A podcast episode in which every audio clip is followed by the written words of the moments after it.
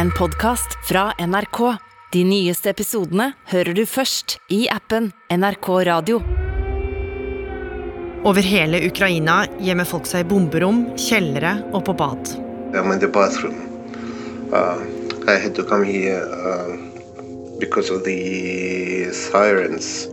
Hver dag lever de i frykt for russiske raketter. I was absolutely scared when I heard any explosions. We oh. realized what's happening, but we never expected that it would be like this. Vi har snakka med to som nå lever med krigen tett på seg. Journalist Ina Swann forteller Tanja og Maxims historie. Du hører på Oppdatert om krigen i Ukraina. Det er torsdag 24. februar, og ukrainske Tanja våkner opp til drønn i det fjerne. I woke up at five because of explosions somewhere uh, next to, to the city. Like it was not right on the street or something, but it was audible. And in a moment, my friend who works on TV called me and said, Wake up, and the war has started. And uh, in another minute, another my friend who works on TV uh, with the same message. So I woke up, and half of a day, my sister and I were mm, checking the closest bomb shelter next to our house. Tanja er 30 år med stort, mørkt, krøllete hår og store, mørke øyne. Til vanlig jobber hun som teaterdirektør og engelskoversetter. Men nå var hun fanga i krigen, og hun skjønte at hun var i fare. For like ved leiligheten lå en militær flyplass som hun frykta Russland kunne finne på å angripe. We live next to the uh, factory, uh, next to the, I don't know, uh, so it's Antonov airplane plant, I guess, or factory. Um, so it's a military strategic object. And uh, in the news, we heard that something was burning there. So we took just a little stuff with us, like uh, documents, phone, uh, chargers, uh, a few socks, and nothing much because we were going to come back home in a few hours to take uh, the rest of our stuff that we might need. Med det mest nødvendige med seg satte de seg på T-banen inn til sentrum av Kyiv. Der søkte de dekning i kjelleren av Tanjas teater og håpa at de var trygge om noe skulle treffe det lille lokalet. Samtidig åpna Tanja kjelleren opp for venner og kjente som også trengte et trygt sted å være. Uh, we came to the theater. We were all in this uh, art shelter, as I call it as for now. Uh, we were checking on the news all the time, and we saw that everything was escalating. That the border is is hot uh, in Chernihiv, which is on the north of Kiev. That uh, uh there were strikes um, in in I mean bomb strikes, bomb fire. Når hun hørte hvordan situasjonen tok seg opp, begynte følelsene å strømme på. We were quite calm but really really scared. Like uh, physically it's like you uh, you you you become a receptor that uh, works only for uh, listening where the danger comes from.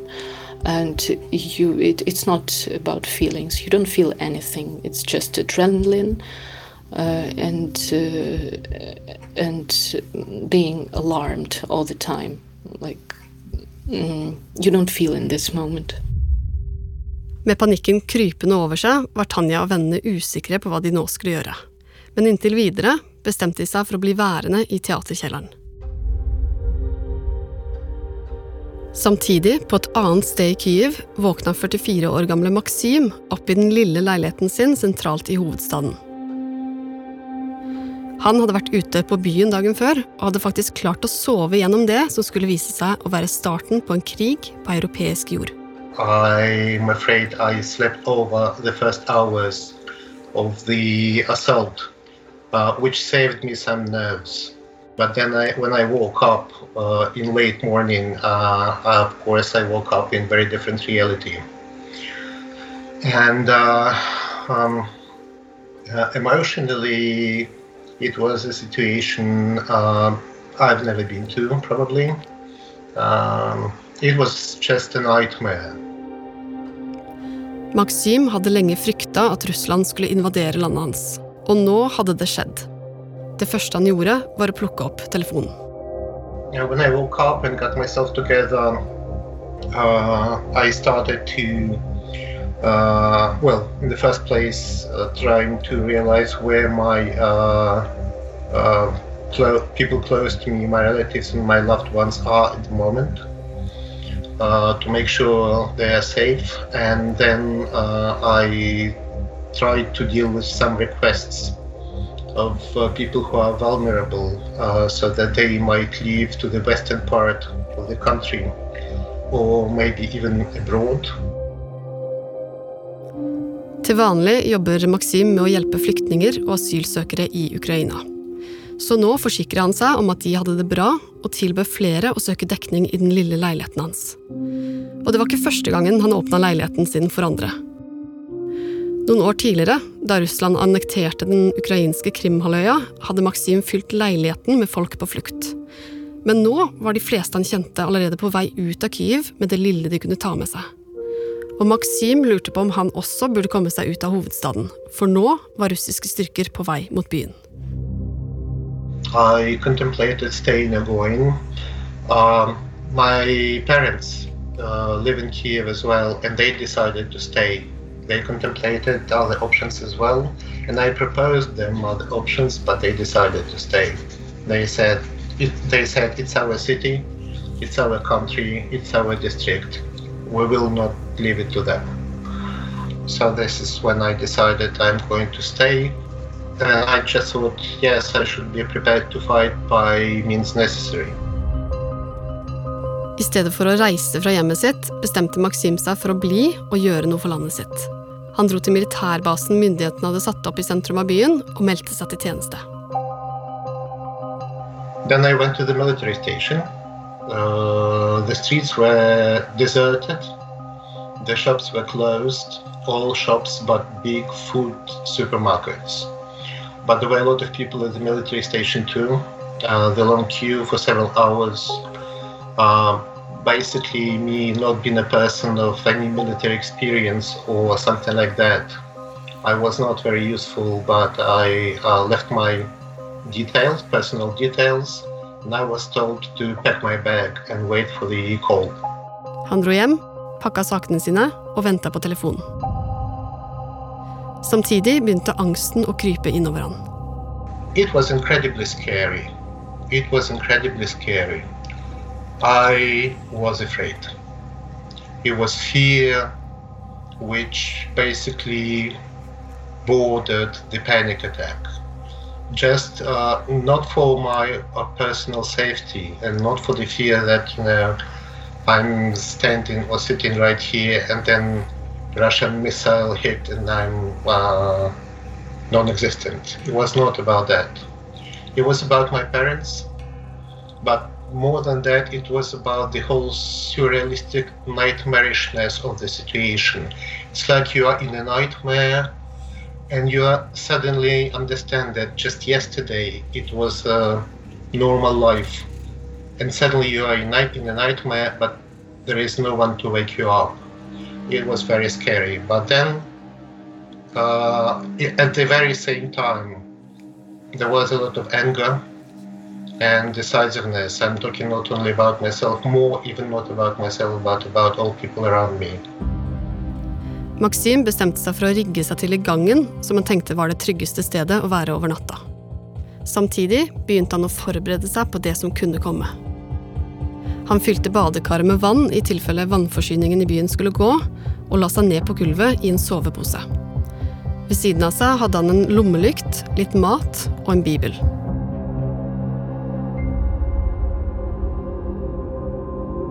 Samtidig, et annet sted i byen, satt Tanja og vennene i kjelleren på teatret.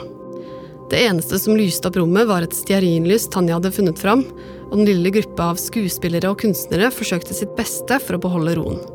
Mm, we sat around the table. I even had a candle with me, and uh, then we were reading poetry to each other, and that uh, took away the anxiety a little bit.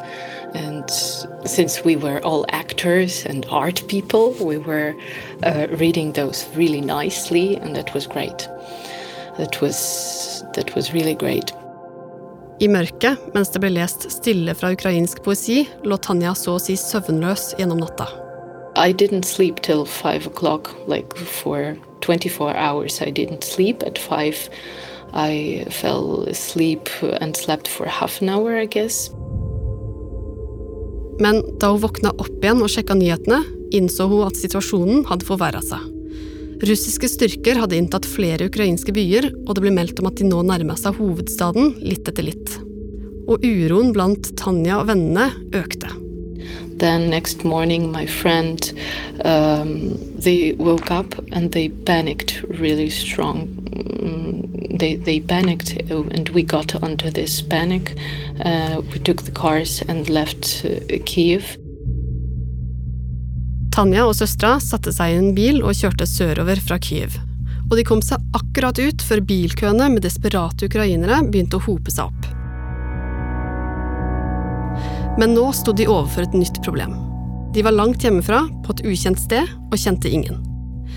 Så de begynte å ringe rundt til venner og bekjente, og fikk til slutt nyss om noen som kunne hjelpe dem.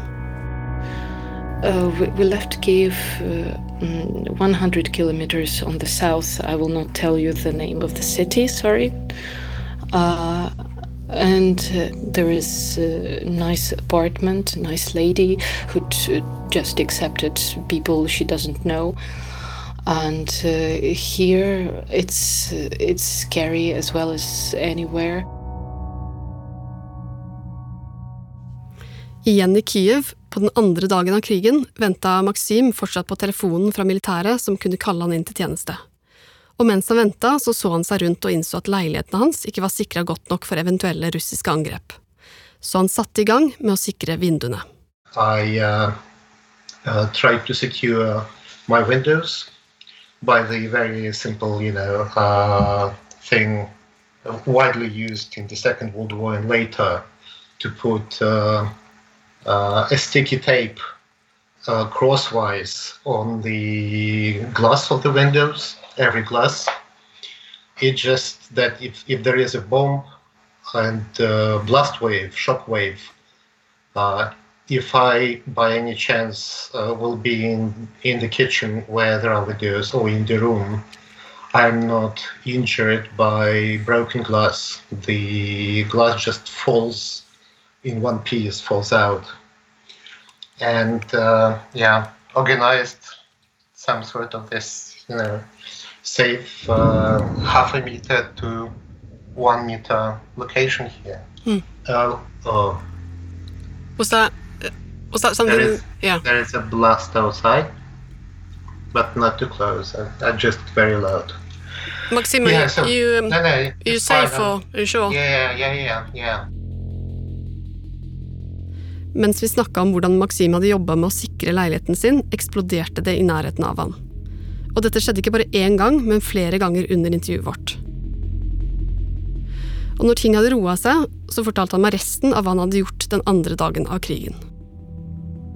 Etter at utallige flyalarmer hadde gått, innså han at det ikke lenger var trygt å være hjemme. Så han bestemte seg for å gå de åtte minuttene lenger ned i gata, til nærmeste bomberom, for å overnatte der. On the second night, second night I spent in the bomb shelter, and saw various people from you know neighboring buildings, very diverse, uh, but they were all united by this very same feeling. It was scary, but defiance was there, very strong one. Og neste dag så skulle krigen komme enda nærmere Maxim. Ночью, э, вчера вечером, э, случился очень э, м, ужасный факт. Э, Россияне... Uh, there was a report uh, that a couple of days ago, on the precisely on the third day of war in Kiev, uh, Russian uh, reconnaissance and uh, uh, subversion group uh, shot and killed a family in the Kiev itself. A father, a mother, and their daughter, and two other children are now in the hospitals in uh, difficult condition. But just now, from a Facebook post of a friend of mine, I learned that uh, I actually know these people. Um, we were good acquaintances, I should say, uh, and then I'll just pray for them to be in the better place. Um, you know, five days ago, they lived in the same peaceful city uh, I have, and three days ago they were killed in the wartime due to Russia invading Ukraine. So I will also pray for vengeance, of course, to put it mildly. De neste dagene fortsatte vi å ha kontakt med Maksim og Tanja. Tanja har jobba med å oversette saker for en ukrainsk TV-stasjon, og samler fortløpende inn videoer med støtte fra folk over hele verden som hun deler i et forsøk på å gi håp til folk i Ukraina. Og Maksim har endelig fått telefonen han venta på. Less than an hour ago, I've received a phone call from the military station. So, unfortunately, I have to put my uh, volunteering on pause and uh, go. Yeah. And still, there is confidence that we will prevail because it's a question of our existence. Nå er han utstyrt med våpen og uniform, klar for å beskytte Kyiv. Både Maksim og Tanja er usikre på fremtida, og følelsene er mange. There is a feeling of helplessness. There is a feeling of guilt in front of that those people who are left in Kiev. Mm, There is a feeling of uh, no, helplessness uh, hasn't come yet. You know, I think helplessness will come in a week when the, the war will be escalated even more, and uh, I feel like it, it's it's going to be really really tough in Kiev. if you survive, you might help even more than if you die on the way. And you can't plan anything. That's the, the most horrible feeling. You can't plan anything uh, in the closest uh, uh, five hours. You don't know what's going to happen in five hours. You might know what's going to happen in one hour, but uh, not really. I really hope that we will stand our ground. I still understand that chances are hanging in the air. Uh, but uh, I think that sooner or later, one way or another, we prevail. Because Ukraine cannot be occupied, and even if big part of it is occupied, it cannot be controlled. Men én ting er sikkert. Ingen av dem ønsker å forlate Ukraina.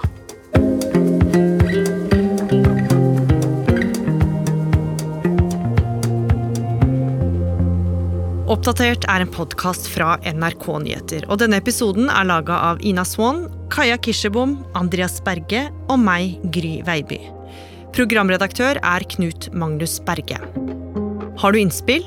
Send oss gjerne en e-post på oppdatert krøllalfa nrk.no. Du har hørt en podkast fra NRK. De nyeste episodene hører du først i appen NRK Radio.